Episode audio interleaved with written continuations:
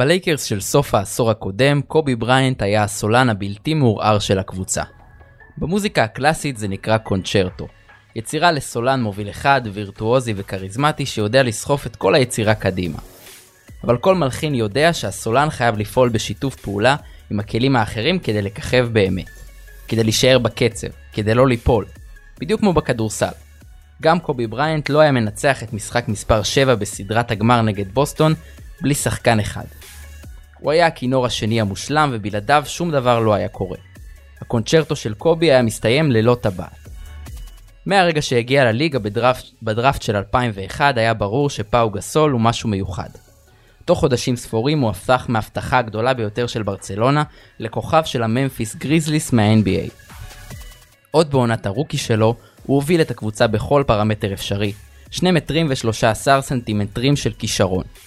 בהמשך הוא זכה לתודעה עולמית כשנבחר לאולסטאר ואפילו זכה עם נבחרת ספרד באליפות העולם. ובכל זאת, התקופה הזכורה ביותר בקריירה של הענק הספרדי הגיעה רק אחרי ששם את האגו בצד ועזב את הגריזליס כדי לשתף פעולה עם קובי ב-LA. גסול עזב את הבית החם בממפיס ואת תפקיד הכוכב הראשי כדי להיות כינור שני לצד אחד הכוכבים הגדולים בהיסטוריה. שיתוף הפעולה בין גסול לבריינט התגלה כקטלני במיוחד והשניים הובילו את הלייקרס לשתי אליפויות רצופות. ויותר מכך, גם לכל מי שפיקפק בו, גסול סוף סוף הוכיח שהוא אחד השחקנים האירופיים הגדולים ביותר שראינו. בשבוע שעבר פאו החליט לפרוש סופית מכדורסל מקצועני, ואנחנו ביורוסטפ פודקאסט הכדורסל האירופי החלטנו שמגיע לו פרק מיוחד. לצידי עמית ניר ועומר לוטם, Cómo estás. Muy bien, muy bien. כן, אנחנו עוברים לדבר בספרדית. על ההפקה האחד והיחיד עוז נקש. אנחנו באולפני פודקאסט סטודיו בראשון לציון, אני עומר שרבי, ואני מאוד מתרגש שנוציא לדרך את פרק הספיישל שלנו על פאו גסול. פתיח קצר ומתחילים.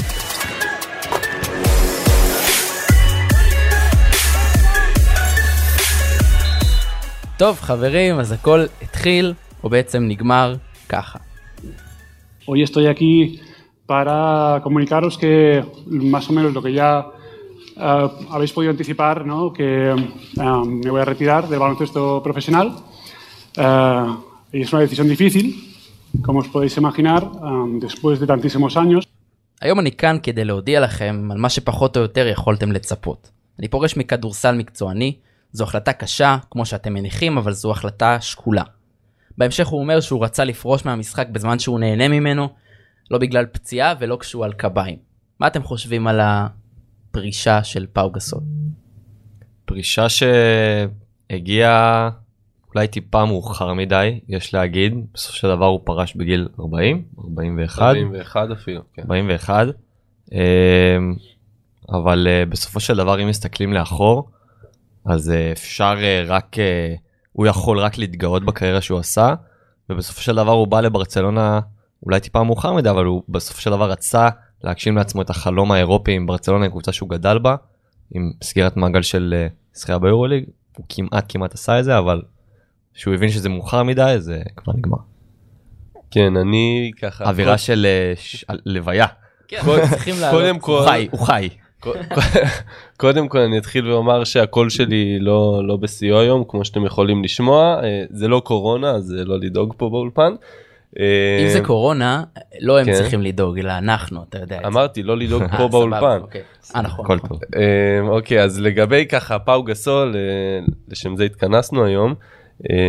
אני האמת בתור אוהד צלטיקס אין ספק שזה לא ככה הוא לא היה השחקן האהוב עליי בוא נגיד שתי סדרות גמר מאוד זכורות אנחנו עוד נגיע לזה אבל אין ספק שמדובר פה באחד האירופאים הכי גדולים ששיחקו את המשחק שחקן שתרם המון המון גם ל-NBA גם לנבחרת ספרד הוביל אותה לשני עשורים פשוט מדהימים משהו שעוד לא היה.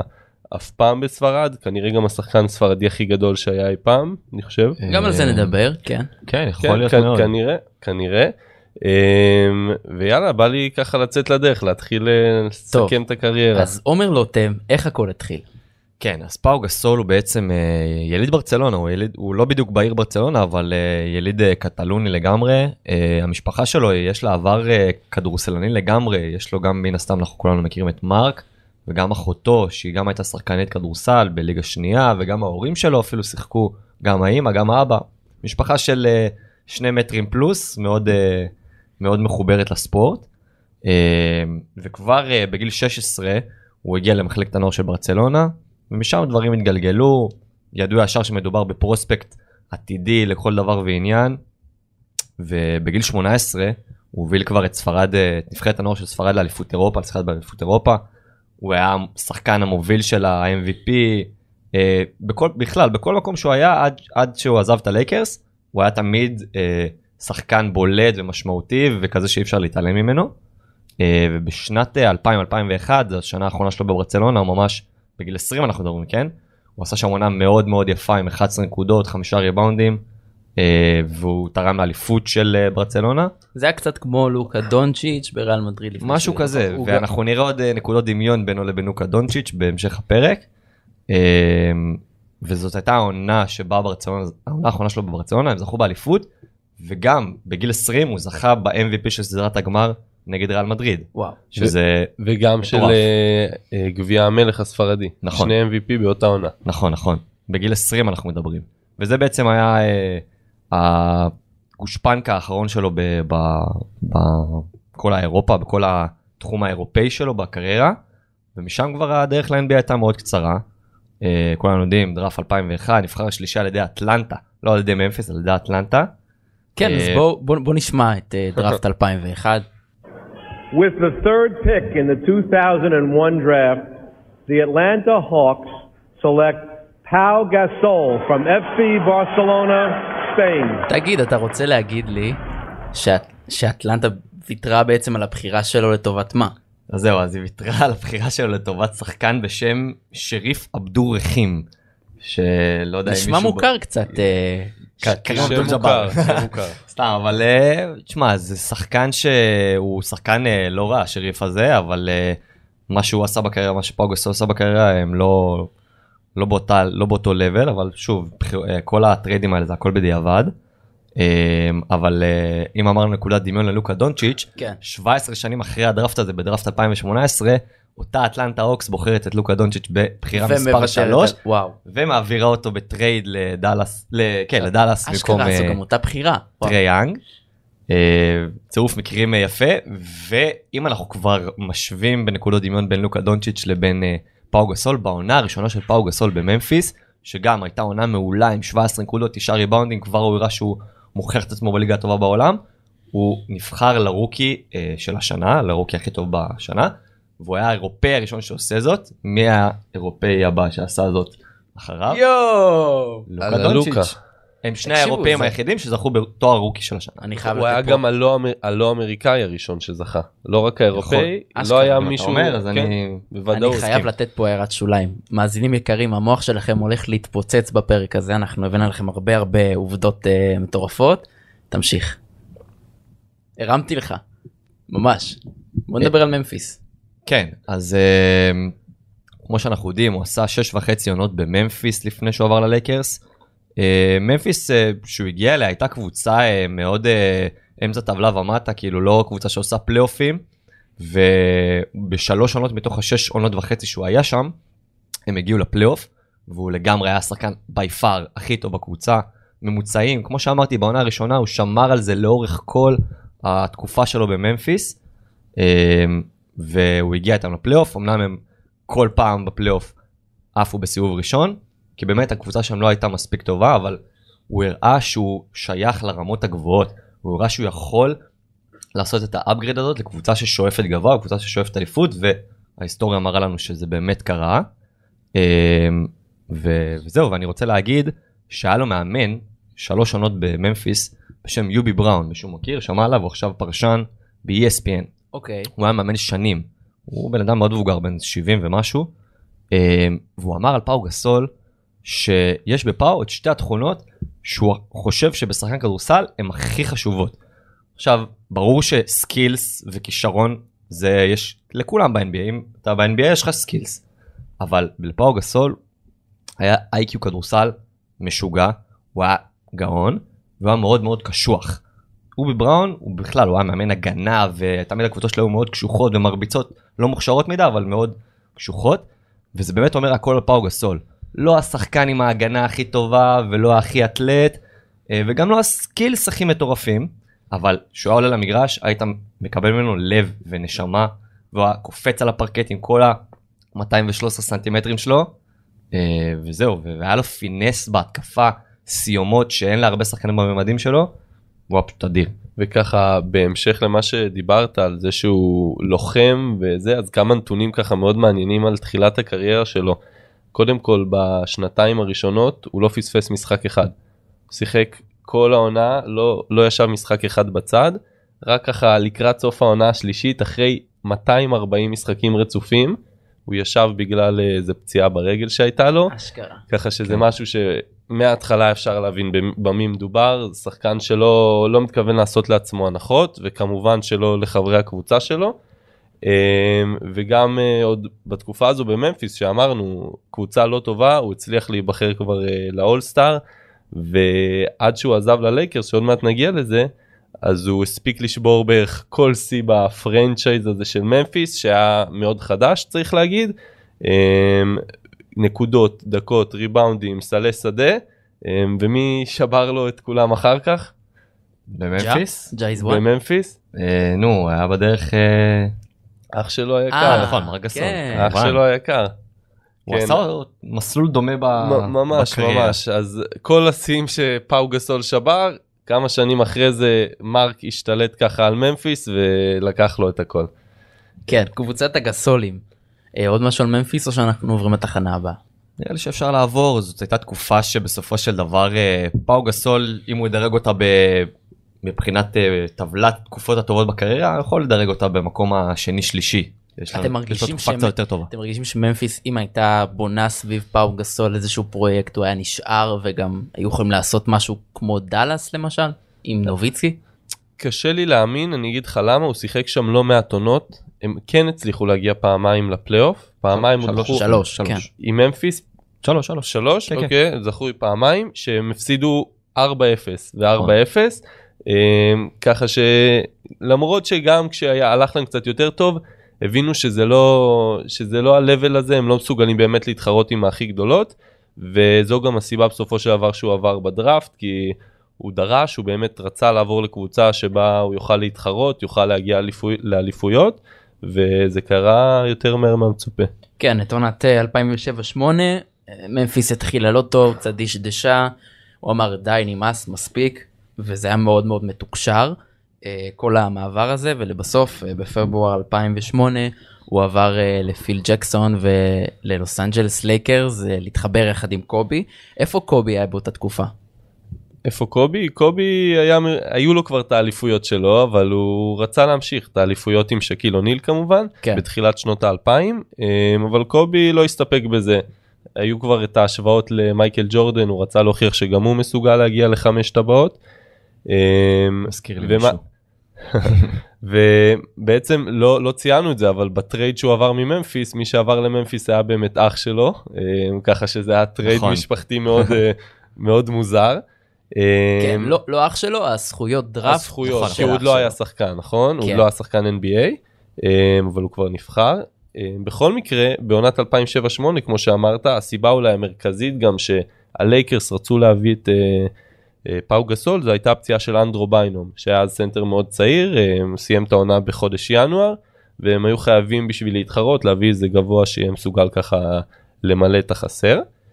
אמ, וככה אפשר ללכת אה, למשחק הראשון שלו בשביל להבין אה, מה קרה שם בעצם. וכן, כן, משחק אה, הבכורה של פאו גסול בלוס אנג'לס לייקרס, ככה זה היה נשמע. Kobe, how nice feeling is it to know that you can score six points and still have a victory come out? You have no idea. It, you know, just make the game so much easier. You know, we had some weapons before. Now we just added a huge one to the team, and uh, we get Big Bynum back. It's just, you know, there's a God. there is a God. תראו, הוא מסיים וכאילו יש אלוהים, יש אלוהים, ואני לא יודע אם הוא מדבר על גסול, הוא מדבר על המזל שיש לו, או שהוא פשוט מבסוט כי הוא יודע, אה, קשה מה לי- שנקרא, קשה- מייקל ג'ורדן. קשה לי בא- להעריך שקובי יגיד על שחקן שעשה את המשחק הראשון שלו בלייקרס שהוא אלוהים. נראה לי שהוא התכוון למזל ש- שיש להם. כן, אז בוא נדבר על המשחק הראשון של פאו גסול בלוס אנג'לס. כן, אז במשחק הראשון אה, ככה נכנס כמובן ישר לתוך החמישייה. אה, הוא מסיים משחק של 24 נקודות, 12 ריבאונדים ו4 אסיסטים, וכמו ששמעתם בסיום, קובי אומר שיש על מי לסמוך סוף סוף. אה, צריך להגיד, קובי כלה רק 6 נקודות במשחק הזה. לא ירדתי. לא ירדתי הסטטיסטיקות של קובי, אבל סביר להניח שזה אחד המשחקים, אם לא הכי- המשחק הכי, קצת? הכי חלש שלו מבחינת נקודות בקריירה, ובכל זאת הם ניצחו, הם ניצחו לדעתי גם ב-15-20 הפרש, ככה שקובי הבין באותו הרגע, יש לי פה עוד מישהו, יש לי מישהו שמגבה אותי, גם אם אני לא בשיאי, יש פה את פאו גסול שהגיע והוא הולך, הוא הולך להיות שחקן, הוא הבין את זה כבר ברגע הזה לדעתי. אתם חושבים שעל שקיל אוניל הוא היה אומר את המשפט הזה? או רק על אה, שחקנים מיוחדים כמו פאו גסול? אמ, תשמע, אני חושב שכן, שקיל אוניל זה שחקן אה, בסדר גודל אחר לגמרי, ובכלל סגנון משחק אחר לגמרי, אה, אבל בתכלס זה אותו ה big guy ששחקן כמו קובי צריך לידו. אה, יכול להיות שהוא היה אומר עליו את אותו דבר, אי אפשר לדעת, אבל בסופו של דבר, שחקן כמו קובי בריינט, אה, טוב ככל שיהיה, צריך לידו את ה big guy, שייתן לו נקודות בתוך הצבע וייתן לו הגנה, ופאו גסול מילא את החלל ששקיל קצת השאיר באותם... אנחנו שנים. נדבר אנחנו נדבר על זה גם בהמשך על מה קובי הרגיש כלפי גלסול ומה מה ההפך אבל אני חושב שאחרי באמת כל הדרמה התקשורתית שהייתה סביב קובי ושאק שהם רבו והסיפור עם פיל ג'קסון שכתב עליו בספרים ו- והרבה אגו היה שם ואז הגיע פאו גסול שהוא בכלל אירופאי והוא פשוט אה, נכנס לנעליים ו- ולחמישייה בצורה מעולה וגם הוא היה נטול אגו הרבה יותר ממה שקובי הכיר לפני. אה, ובגלל זה נראה לי שהחיבור ביניהם היה באמת כל כך חזק אנחנו ראינו את זה אז בוא נדבר על העונה הראשונה שלו. כן, אז בואו נמשיך עם עונת אה, 2007-2008, אה, הוא הגיע באמצע העונה והלייקרס מסיימים במקום הראשון במערב עם מאזן של 57 ניצחונות ו-25 הפסדים. אה, מהרגע שהוא נכנס לקבוצה הם במאזן 22-5, ככה שאפשר להבין שהייתה לו השפעה טובה. אה, שוב, זה לא שהלייקרס בלעדיו לא היו טובים, אבל אה, אין ספק שהוא עשה את השיפור שם. וכבר במשחק הפלייאוף הראשון שלו אה, בסדרה נגד דנבר, דנבר של אה, אייברסון, קרמלו, אה, הוא נותן 36 נקודות, 16 ריבאונדים ו8 אסיסטים, וככה נכנס בבום ומראה על כמה משמעותי הוא הולך להיות בפלייאוף מעכשיו והלאה עבור לוס אנג'לס לייקרס. אה, הסדרה הזו דרך אגב נגמרה 4-0 קליל מאוד, וזו הייתה הפעם הראשונה בעצם שפאו גסול עובר סיבוב פלייאוף בקריירה שלו. הוא פגש את ממפיס בהמשך? אה, בהמשך הוא לא פגש את ממפיס, אה, היה לו בחצ... בחצי הגמר אה, משחק סדרה מול יוטה ג'אז של דרון וויליאמס, קרלוס בוזר, קירילנקו, עוד אירופאי נהדר, שגם שם הלייקרס לא התקשו יותר מדי וניצחו 4-2, ככה אני רוצה להגיע לשלבים המכריעים יותר. בגמר המערב מול סן אנטוניו, השלישייה הגדולה של טוני פארקר, מנו ג'ינובולי וטים דנקן. אה, משחק 5 הוא שובר את שיא הריבאונדים בקריירה שלו הוא לוקח 19 ריבאונדים אה, מראה זה שליטה אחלה לפנטזי 19 ריבאונד. לגמרי מראה שליטה מתחת לסלים מנצחים 4-1 את סן אנטוניו ומגיעים לגמר ה-NBA זו הפעם הראשונה גם ששחקן ספרדי מגיע לגמר ה-NBA ככה עוד נקודה מעניינת בנוגע לספרדים. אה, ואז הגיע הגמר הזכור נגד אה, הבוסטון סלטיקס גמר שאני אישית זוכר כי זה ככה בנימה אישית הגמר שבו התחלתי לאהוד את בוסטון אה, אח שלי ואני אני הייתי אז בן 10 אח שלי היה בן 12 אה, כזה אהבנו מאוד כדורסל שיחקנו החלטנו שאנחנו קמים אה, כל בוקר בשעה 5 בבוקר לקום לראות את המשחקים והוא תפס את הצד של הלייקרס אני את הצד של בוסטון ומאז ככה זה היה. הכל בסדר ביניכם? יחסים טובים? יחסים טובים ברוך השם. בסך הכל גסול נתן יופי של סדרה אבל אה, לצערו אה, זה לא הספיק כמו שאתם יודעים כי ב-2007-2008 השלישייה או יותר נכון הרביעייה הגדולה של הסלטיקס הצליחו לקחת את האליפות שנכון לעכשיו היא האליפות האחרונה של נכון. הסלטיקס לצערי עם הצעקה של גרנט, אני על כן. גג העולם. לגמרי מצאתי מתי להתחיל לאהוד אותם. אמ, אוהד הצלחות זה מה שאתה. בסדר אחי הייתי בן 10 זה לא מה תגיד אבל uh, באמת היה שם אחלה של סדרה פאו גסול נתן uh, יופי של משחקים כל המשחקים היו מאוד צמודים עד 10 הפרש ואז במשחק 6 הסלטיקס פשוט פירקו אותם ניצחו אותם בכמעט 40 הפרש ופאו גסול יכול אה, ככה להתנחם ביופי של סדרה של 15 נקודות ועשרה ריבאונדים. בפלייאוף הזה אין ספק שהוא ביסס את עצמו כמספר 2 של קובי בריינט, זה היה ברור לכולם, זה היה ברור לקובי, ו... וזהו. אם אה, ניגע בקטע מקצועי, אנחנו מדברים באופן כללי על, על הקריירה של פאו גסול וכמה שהוא היה דומיננטי, אבל אם ניגע באופן מקצועי על ההבדלים בין איך שהוא היה בממפיס לאיך שהוא היה בלייקרס של פיל ג'קסון, בממפיס פשוט תמיד היו מחפשים לו את המיסמצ'ים מתחת לסל והיו מנצלים את זה שהוא גם גבוה גם חזק, נוריד אותו לצבע, יקבל איזה גארד, יעשה הרבה סלים, מריבאונדים התקפה בעיקר גם. בלייקרס זה לא היה העניין. פיל ג'קסון כמו שאנחנו מכירים, התקפת המשולש המפורסמת, זה עבד גם טוב בשיקגו עם אה, מייקל ג'ורדן והחברים, וזה הגיע גם ללייקרס.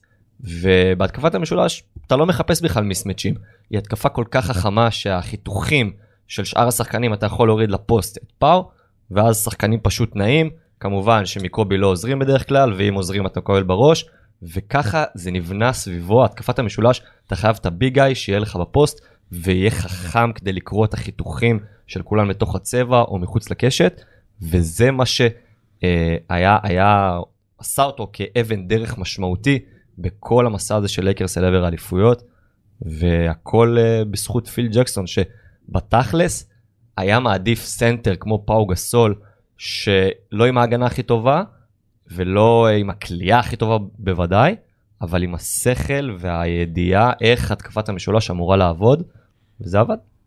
כן, זה, זה עבד, אנחנו בעצם סיכמנו את העונה הראשונה שלו שהסתיימה בסדרת גמר והפסד לבוסטון סלטיקס. אגב, עמית, אני מאוד מאוד מזדהה עם הסיפור שלך, רק שאני הייתי הפוך, אני ראיתי את בוסטון כרעים, שנאתי אותם, תמיד הייתה לי חיבה לצבע הצהוב, אז הייתי עם לייקרס והסדרה הזאת קצת העציבה אה, אותי, אבל קרוב אנחנו... תשמח. כן, אנחנו עוברים, אה כן, אנחנו נזכה באליפות ספוילר. טוב, אה, אנחנו עוברים אה, לעונה שלאחר מכן, עונת 8-9. כן אז העונה 8-9 בעצם העונה הראשונה של פאו גסול ככה במלואה, במלואה בלייקרס.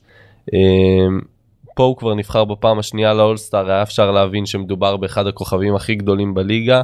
הוא גם זכה בשחקן חודש אה, פברואר במערב ממוצעים של 19 נקודות 10 ריבאונדים כמעט לעונה. והלייקרס שוב עונה מצוינת 65-17 מסיימים שוב ראשונים במערב. ונראה לי נגיע לפלייאוף כי היה פה פלייאוף מאוד מעניין אה, יכול יכול להיות שיסתיים טוב עבורך עומר. אה, ככה בסיבוב הראשון כבר 4-1 נגד יוטה שוב פוגשים את יוטה אה, אותה יוטה משנה שעברה שלא התקשו מולם בחצי הגמר כבר נגד יוסטון שזו הייתה אחת הסדרות הכי טובות של פאו גסול בקריירה מול יוסטון של יאו מין רון, רון ארטסט לא, לא זוכרים אבל הוא היה ביוסטון לפני שעבר ללייקרס. לואיס סקולה, קייל לאורי עוד גם שיחק שם אשכרה. ככה בהתחלה שלו.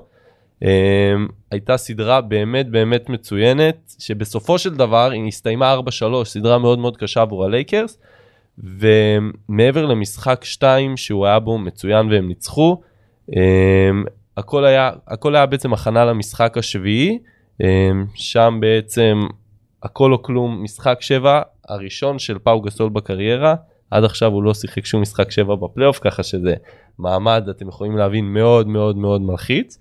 ושם הוא כיכב והוביל את הלייקרס אה, לניצחון מוחץ עם 18 נקודות 21 ריבאונדים ושלוש חסימות. מדד הפלוס מינוס שלו היה הכי טוב על המגרש הוא שיחק יותר מ-40 דקות. אגב אם, אם מצאנו נקודות דמיון בינו לבין לוקה דונצ'יץ' אז זה נקודת שוני כי לוקה דונצ'יץ' בשנה שעברה בפלייאוף משחק 7 ראשון בקריירה נגד קליפרס הפסיד וגם לא היה מי יודע כמה כן. אז זה נקודת שוני ביניהם.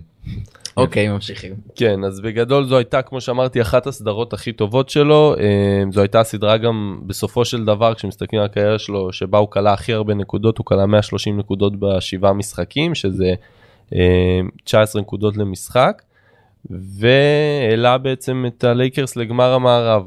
אה, בגמר המערב הם פגשו את דנבר נגטס גם אותם הם פגשו בשנה שעברה כמו שאמרנו דנבר של כרמלו ואייברסון. וזה היה ממש קרב בין המדורגת ראשונה לשנייה כי הלייקרס סיימו ראשונים באותה עונה ודנבר סיימו ב, בש, במקום השני סליחה.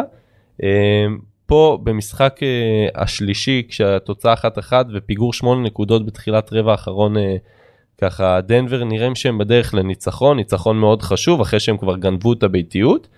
אמ, אבל גם קובי וגם גסול ביחד במשחק של 61 נקודות משותפות, הצליחו ככה להוציא אותם אה, מהבוץ ברבע האחרון ולהוביל קאמבק, ובעצם להפוך את הסדרה, להוביל 2-1, להחזיר את הביתיות, ומשם כבר אה, הלייקרס סיימו את זה בשישה משחקים, והגיעו לגמר ה-NBA, הפעם מול מי אתם זוכרים? אורלנדו מג'יק. אורלנדו מג'יק, ברור שאתה תזכור.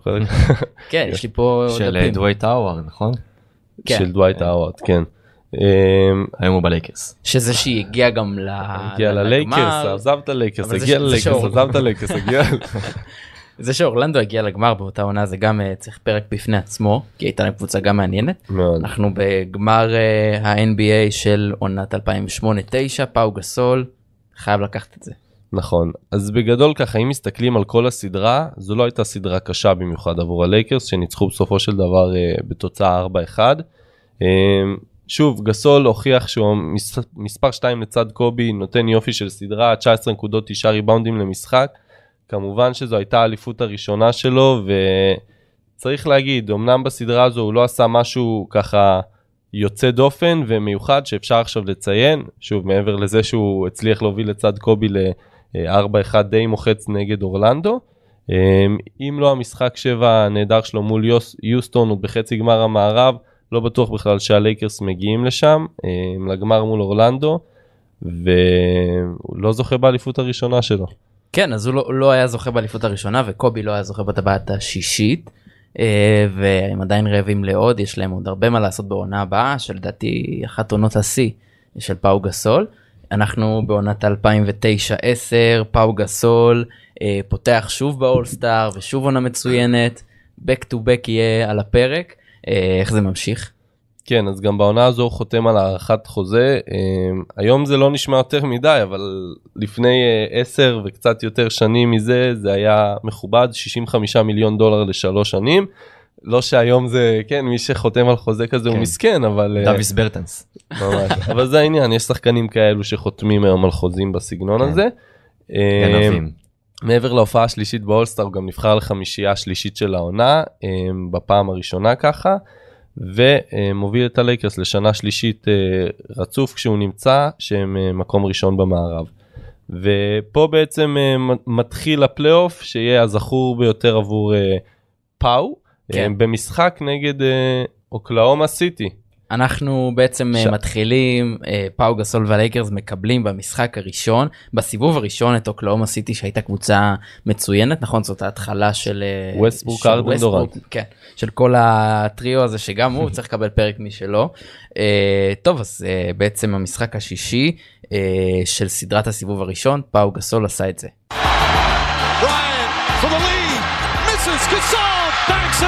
Bryant It's not about Kobe Bryant. It's about attacking the offensive board. So Pau Gasol puts himself in position to get the easy putback.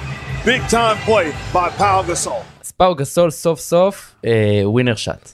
כן, אז uh, ככה צריך לתת קצת רקע לזריקה הזאת, אנחנו מגיעים למשחק 6 אחרי סדרה מאוד צמודה, הלייקרס מובילים 3-2, פאו הגיע טוב מאוד לסדרה הזו, היה באמת מצוין, תרם בכל המשחקים, לפחות בכל המשחקים שבהם הם ניצחו, ומשחק 6 מאוד מאוד צמוד, יכול להכריע את הסדרה, מן הסתם הלייקרס יכולים להכריע את הסדרה, אם הם מפסידים שוב משחק 7, וכמו שאתם יודעים משחק 7 הכל יכול לקרות.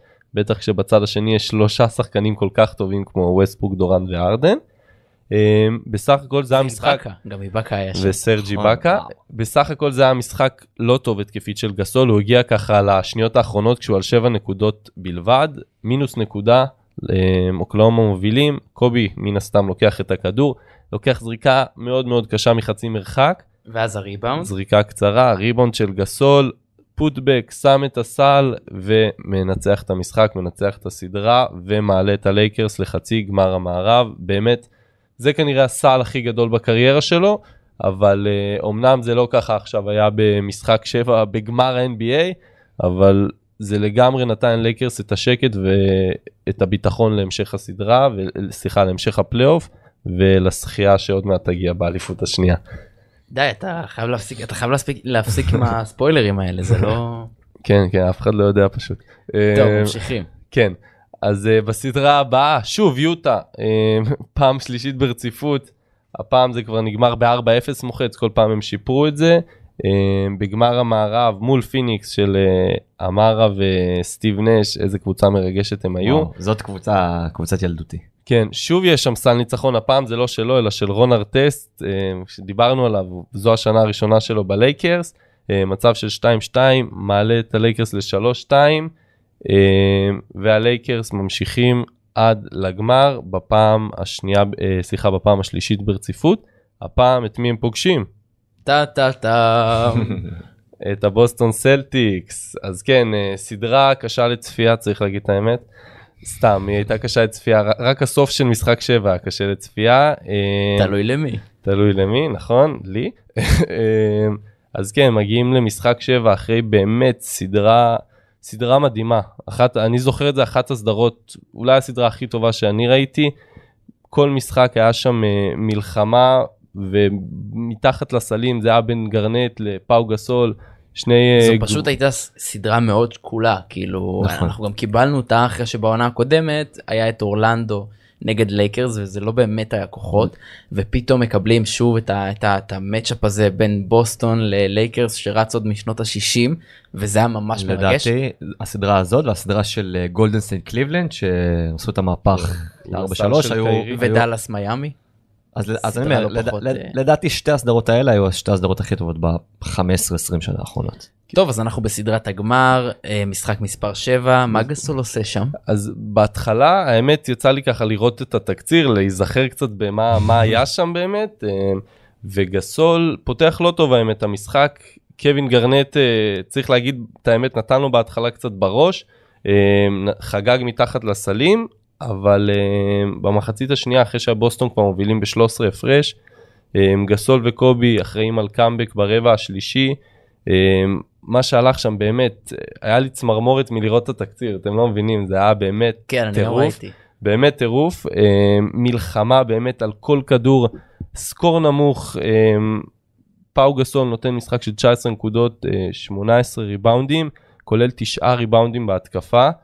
אמ, באמת סוף מדהים, היה שם, של... החליפו שלשות וזה היה באמת עד השנייה האחרונה יכול להיגמר לשני הצדדים.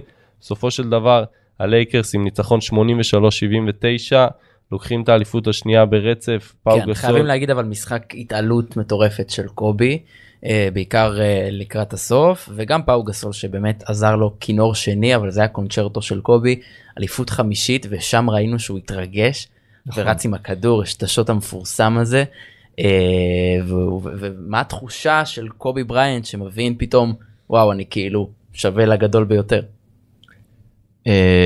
למייקל ג'ורדן? אני חושב, אתה מכיר עוד גדולים ביותר? לא, אני אומר, כאילו, מייקל ג'ורדן, שש אליף. שש אליף. נכון, נכון, נכון, אוי, נכון, הורדתי אחת. יש לו פחות ממייקל. כמעט שווה, כמעט שווה לגדול ביותר. נכון, אבל כן, זה, אם אני לא טועה, גם הרים את היד ספרה חמש כאילו אם אני לא טועה וזה כאילו כמו שג'ורדן היה עושה אחרי כל אליפות שג'ורדן עשה בסוף את השש המפורסם אה, וזה היה כאילו אני עולה אני רוצה להשיג גם את השישית אבל באמת שזה כבר היה סוג של אה, סוף ה... לא סוף הקריירה אבל ההליכה לקראת סוף הקריירה אבל אם אנחנו נוגעים באמת בפאור זה פשוט מדהים זה מראה לנו כמה לא משנה איזה שחקן טוב שיהיה, אולי חוץ מהאליפות של נוביצקי בדאלאס, צריך לידו עוד שחקן שיהיה דומיננטי וייקח על עצמו ויעזור לו ברגעי המאני טיים, אני לא אומר בעונה הסדירה, גם ברגעי המאני טיים, כי גם הבחור הגדול כמו קובי בריינט, ה winner עם ה jump shot המטורף שהוא כמעט ולא מחטיא, גם הוא מחטיא בסוף והוא צריך את התיקון של איזה big או של שחקן כזה או אחר. אה, גם למייקל ג'ורדן אגב, את השחקנים האלה. אם זה סטיב קר שמאמן את גולדן סטייט היום ופקסון שקלע שם שלושה שהביאה לאליפות. אה, תמיד צריך את השחקן הזה ופאו גסול פשוט היה בשורה הזאת של השחקנים שהם number 2 ויכולים להיות הוא, הוא בין ה number 2 הכי גדולים שאני זוכר כאילו שהשלימו שחקן גדול לאליפויות גדולות. אוקיי okay, זה כן זו אמירה אה, אז אז בוא נדבר באמת על הקשר בין קובי לבין גסול. כן, אז קובי וגסול, כמו שאמרנו, אחד הצמדים הטובים שראינו בשני העשורים האחרונים, אה, אולי בכלל. אה, קובי ידע מהרגע הראשון, כמו שאמרנו, שיש לו על מי לסמוך, פאו גסול עם הנוכחות שלו בצבע, עם... דיברנו על זה, לא, לא הדגשנו מספיק את כמה שהבן אדם הזה חכם. זה, נכון. זה, לא דיברנו על זה שבתחילת הקריירה, עוד לפני שהוא באמת נעשה כדורסל מקצוען, הוא רצה להיות רופא, שני ההורים שלו, נכון, זהו, פספסתי את זה שם עם שני, ההורים שני שלו. ההורים שלו הם אה, רופאים, כן. והוא רצה, והוא כל היום, והוא קורא ספרים, והוא, אה, והוא הוא בן אדם באמת מאוד מאוד חכם. הוא באמת בין השחקנים היותר חכמים שהיו במגרש הכדורסל בהיסטוריה. לא, זה לא... לגמרי. אף אחד גם לא מעיד בזה ספק, זה, זה משהו מאוד ידוע. לגמרי, אז אני חושב שהוא פשוט השלים את קובי בצורה מצוינת, ככה אחד, אחד עם כישרון, אחד עם שכל ועם עבודה קשה ופיזיות מתחת לסלים, וזה מה שנתן ללייקרס בעצם ככה את השתי אליפויות המאוד מאוד חשובות, חשובות לקובי, חשובות לפרנצ'ייז. כן. אה, יש אה, ראיון מפורסם עם קובי אה, קצת אחרי הפרישה שלו, כך הוא מדבר על גסול. When he retires, he will have his number in the rafters next to mine. Uh, the reality is, I don't win those championships without Powell. The city of LA doesn't have those two championships without Powell. So we know that, everybody knows that. And I really look forward to the day where he's there giving his speech at, at center court in front of all the fans who have supported him over the years. So it's going to be an awesome night. Quería hacer una mención también especial a, a mi compañero Kobe Bryant, ah, que me gustaría muchísimo que estuviera aquí, pero así es la vida. Ah, bueno. כן, אה, קשה לו. אני בצמרמורות. ממש, אז בלי, מרגש. בלי לדעת ספרדית אנחנו בצמרמורות. כן, אז הקטע האחרון היה בעצם מהמסיבת עיתונאים. אה, פאו גסול אומר שם לקראת סוף הנאום שלו שהוא רוצה להזכיר במיוחד את חברי לקבוצה קובי בריינט שמאוד רציתי שיהיה כאן אבל ואז הוא מתחיל אה, להתייפח אלה החיים והקהל אה, מריע לו וזה וזה הציטוט הכי מרגש שיצא מי, מהמסיבת. מי שמאמין בגן עדן יודע שקובי במסיבת עיתונאים של פאו גסול ישב עם סיגר טוב עם איזה כן. עם איזה יין כוס יין וראה את וה- המסיבת עיתונאים הזאת. וה- והרעיון שהיה לפני אה, קובי אומר שם אה, כשפאו יפרוש הגופייה שלו תתעלה לצד הגופייה שלי המציאות היא שלא הייתי זוכה באליפויות האלה בלעדיו וללייקרס אין, שתי, אין את שתי האליפויות האלה בלעדיו ואנחנו יודעים את זה כולם יודעים את זה ואני באמת מחכה ליום שבו הוא יישא את הנאום שלו במרכז המגרש לעיני כל הצופים שתמכו בו לאורך השנים זה יהיה לילה עצום הוא לא זכה להיות שם. אה, אבל באמת היה להם קשר אה, מדהים ואני חושב שאחד ההישגים הגדולים שפאו גסול יכול בעצם לתת לעצמו גם בהקשר לאינטליגנציה שהייתה לו הוא ידע לשתף פעולה עם קובי גם על המשחק אבל אני חושב שגם באופן אישי הוא הראה לו אוף דה קורט. כן הוא, הוא הראה לו אני לא בא נגדך אני לא בא להתעלות עליך אני לא אגנוב לך את הכדור עכשיו שאתה יוצא להתקפה אני אהיה שם כדי לקחת את הריבאונד כדי לקחת את החסימה כדי לעזור וגם כדי למסור הוא היה מוסר מצוין שזה מאוד לא אופייני אני חושב שהוא הקדים את זמנו נדבר על זה עוד בסוף אבל באמת היה להם קשר מיוחד. כן, היה להם קשר מאוד מיוחד. יש צמדים שבמגרש הכדורסל הם מדהימים, ואתה אומר, אה, בטח הם, אה, הם חברים טובים, אבל לא אצל כל הצמדים שהם עובדים טוב ביחד על המגרש, גם מסתדרים מחוץ למגרש, והקשר שלהם אוף דה קורט, אמרנו את זה, היה פשוט מדהים. המשפחות היו חברות אחת של השנייה, ובכללי הם היו חברים ממש ממש טובים, ואנחנו רואים את זה עד היום. אה, פאו גסול נולדה לו אה, ילדה, והוא קרא לילדה שלו על שם ג'יג'י, שגם אה, נהרגה עם, אה, עם קובי בתאונת המסוק, וזה מדהים שזה שחקן שהוא אירופאי, וקובי זה שחקן שהיה לו קצת קשה עם הסגנון והתרבות האירופאית, אתה יודע, הוא היה אוהב אמריקאים שעובדים קשה ומגיעים יותר... למרות שיש לו למרות- שורשים איטלקיים. לא, והוא ידע איטלקית, הוא ידע נכון, ספרדית. כן. שמעתי שכשהם לא רצו שיריב יבין משהו ולעצבן אותו גם, הם היו מדברים ספרדית ככה כן. מולו, זהו, לעשות לו דווקא. אומנם, אז זהו, אמנם הוא הגיע מאיטליה, אבל uh, יש uh, כל מיני uh, גם ראיונות וגם uh, חוות דעת על קובי, שהוא יותר אהב את, ה, את המודל האמריקאי, לא יודע איך להגדיר את זה, אבל את העבודה הקשה ולבוא מלמטה ולבוא, uh, הוא אהב את האנשים, את השחקנים שבאים מהעוני ופתאום נהיים כוכבים, ופאו גסול היה קצת שונה, קצת עוף מוזר ברקע של קובי, וכמו שאמרת, האינטליגנציה של פאו להבין שקובי זה בן אדם מאוד מיוחד שצריך גם שיכיל אותו וגם אה, אה, לכפות עליו אה, סגנון אחר של, אה, של יצירת קשר אה, במגרש הכל השתלב שם לכדי, אה, בסוף ראינו אליפויות, אבל לכדי קסם, היה שם פשוט קסם על המגרש שהתחיל הרבה הרבה מחוצה לו. כן, אז אנחנו ממשיכים הלאה, עברנו את ההר, את ההר הענק הזה את שנקרא, הפסגה. את הפסגה שנקראת אה, לוס אנג'לס. אה, ביולי 2014 גסול חותם בשיקגו בולס, אה, לאחר שדחה הצעה להאריך את החוזה ב-LA. אה, מה הביא אותו לשם? מה הביא אותו לבולס? כן. אמ, קודם כל הלייקר הוא סיים חוזה הרי בלייקרס והלייקרס החליטו שהם אה, לא יאריכו לו את החוזה וגם הוא לדעתי הבין שהגיע הזמן להתקדם הוא היה אחרי ארבע שנים שבהם הם לא הצליחו לזכות באליפות.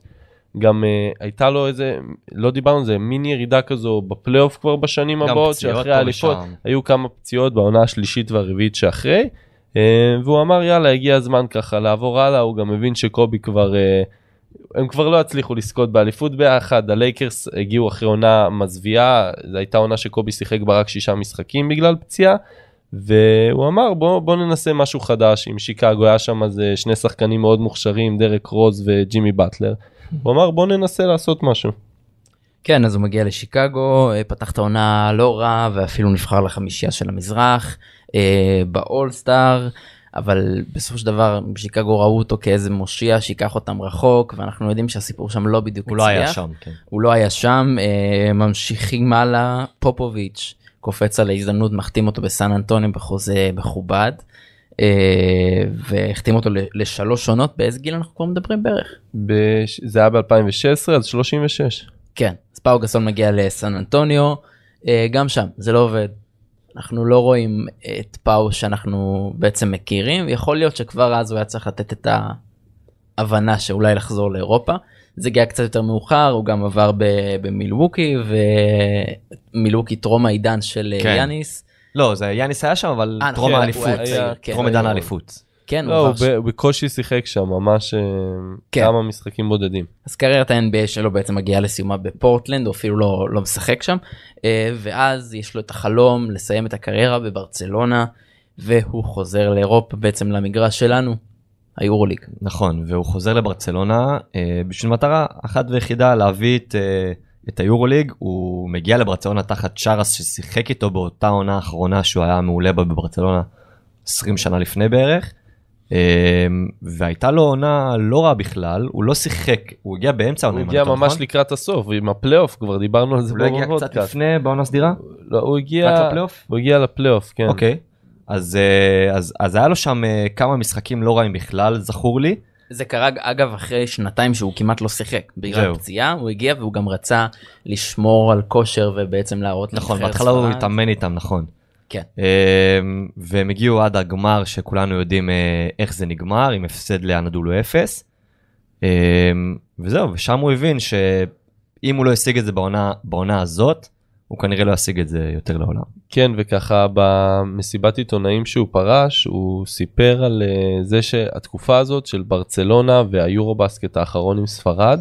אה, לא סליחה יורו בסקט האולימפיאדה עכשיו הייתה אחת התקופות הכי יפות בקריירה שלו. שוב הוא לא תרם יותר מדי אבל הוא פשוט נהנה לחזור להיות עם החברים שלו לחזור להיות עם המשפחה שלו בסביבה מוכרת. Juric intenta jugar individual, pero ha visto a Pau y Gasol la mete para תשמעו abajo. איך מתלהבים ממנו, זה, זה כיף לשמוע את זה.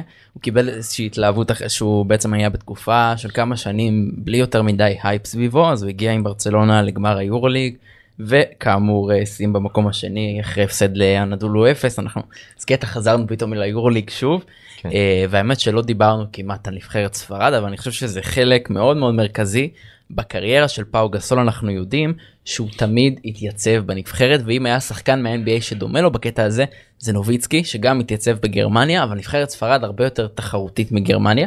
אה, עם נבחרת ספרד הוא זכה במדליית זהב באליפות העולם ב-2006 אה, וזכה שלוש פעמים ביורו בסקט ב-2009, 11 ו-15 וגם בשתי מדליות כסף ומדליית ארד. אה, בוא נעבור קצת על נבחרת ספרד. קודם כל ב-2006 בשחייה הוא היה MVP של אליפות העולם ושימו לב למרות שהוא לא שיחק במשחק הגמר בגלל פציעה עדיין נתנו לו את ה-MVP זה מראה עד כמה משמעותי הוא היה לאורך הטורניר. אמ, גם ב-2009 וב-2015 הוא זכה ב-MVP של היורו בסקט. כל הטורנירים האלו הוא נתן את האזור ממוצעים של הקריירה שלו של 20 נקודות ו-9-10 ריבאונדים, שזה משהו שמאוד מאוד קשה להשיג בטורניר מהסוג הזה, כי הסקורים הם לא הכי גבוהים, קבוצות כל משחק נורא חשוב, אז הגנות חזקות, וזה לא עכשיו NBA כמו שאתם מכירים, אפשר להגיע ל-110, 120 כמו שהיורלג אומרים, every game matters. יפה. אה, כן, אז הוא באמת הוביל אותם לכמות הישגים מאוד מאוד מאוד מרשימה, מעבר לכל הזכיות בזהב, היו לו גם לא מעט זכיות בכסף, גם באולימפיאדות, גם באליפויות עולם. הוא הפסיד לדיוויד בלאט בגמר באולימפיאדת... נכון, לרוסיה, כן. כן, לא באולימפיאדת, באליפות... אה, באליפות אירופה. אליפות אירופה, כן, ב-2007.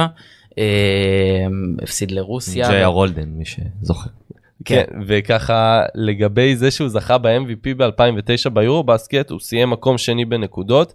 המקום הראשון בנקודות באותו הטורניר היה ליאור אליהו. יואו! מעניין, לא? יש עוד הקשר, אני ככה חקרתי על פאו גסול ועל ההתחלה שלו, עומר, אני הופתעתי שלא לא סיפרת את זה בהתחלה, אבל כשהוא היה בנבחרת צעירה בשנת 2000, אני חושב, היה מפגש של נבחרת ספרד הצעירה ונבחרת ישראל הצעירה, וואלה. עם יניב גרין ואפיק ניסים, ו- וניצחנו את uh, גסול, ואחר כך גם ראיתי ראיונות של שחקנים מהנבחרת, uh, סטייל אה, ליאור אליהו וכל מיני מאמנים שאומרים, וואלה, היה קשה כל כך איתו, אבל לפחות אז היה לנו את הניצחון הזה עליו. אבל באמת אני חושב שהוא מודל לחיקוי ודמות גם בגלל הסיפור הזה של הנבחרת של לבוא ולייצג את המדינה למרות שאני שחקן NBA ויש לי מלא כסף ומלא מעריצים מעבר לים אז אני עדיין חוזר לספרד לטורנירים הקטנים ביותר במרכאות אה, תמיד תמיד הוא התייצב באמת זה אפשר להגיד עליו תמיד הוא התייצב אה, גם אם זה היה כשהוא היה מאוד צעיר גם בהמשך גם עכשיו בגיל 41 אה, הוא רצה ככה לתת את האקורד סיום והוא עשה את זה.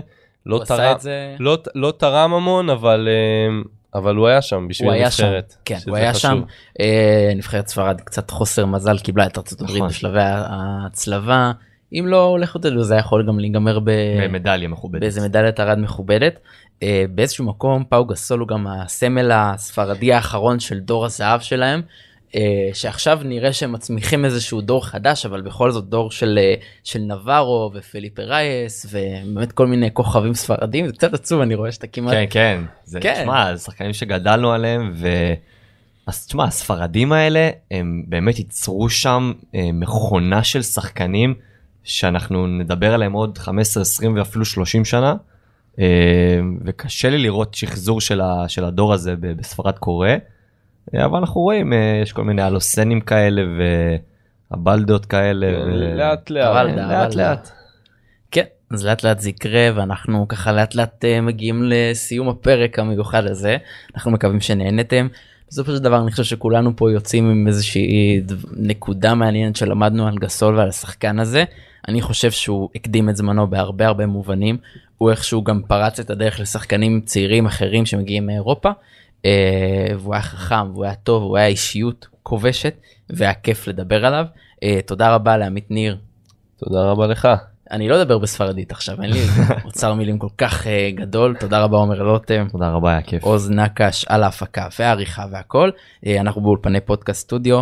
אני עומר שראבי תודה רבה לכם. אם אהבתם את הפרק אז תמליצו לחברים תשלחו את זה תשתפו. תוכלו למצוא אותנו גם באינסטגרם ובפייסבוק. אם תרצו גם נפתח טיק טוק בשבילכם. סתם לא. אה, טוב, אז אנחנו נתראה בפרק הבא. ביי ביי.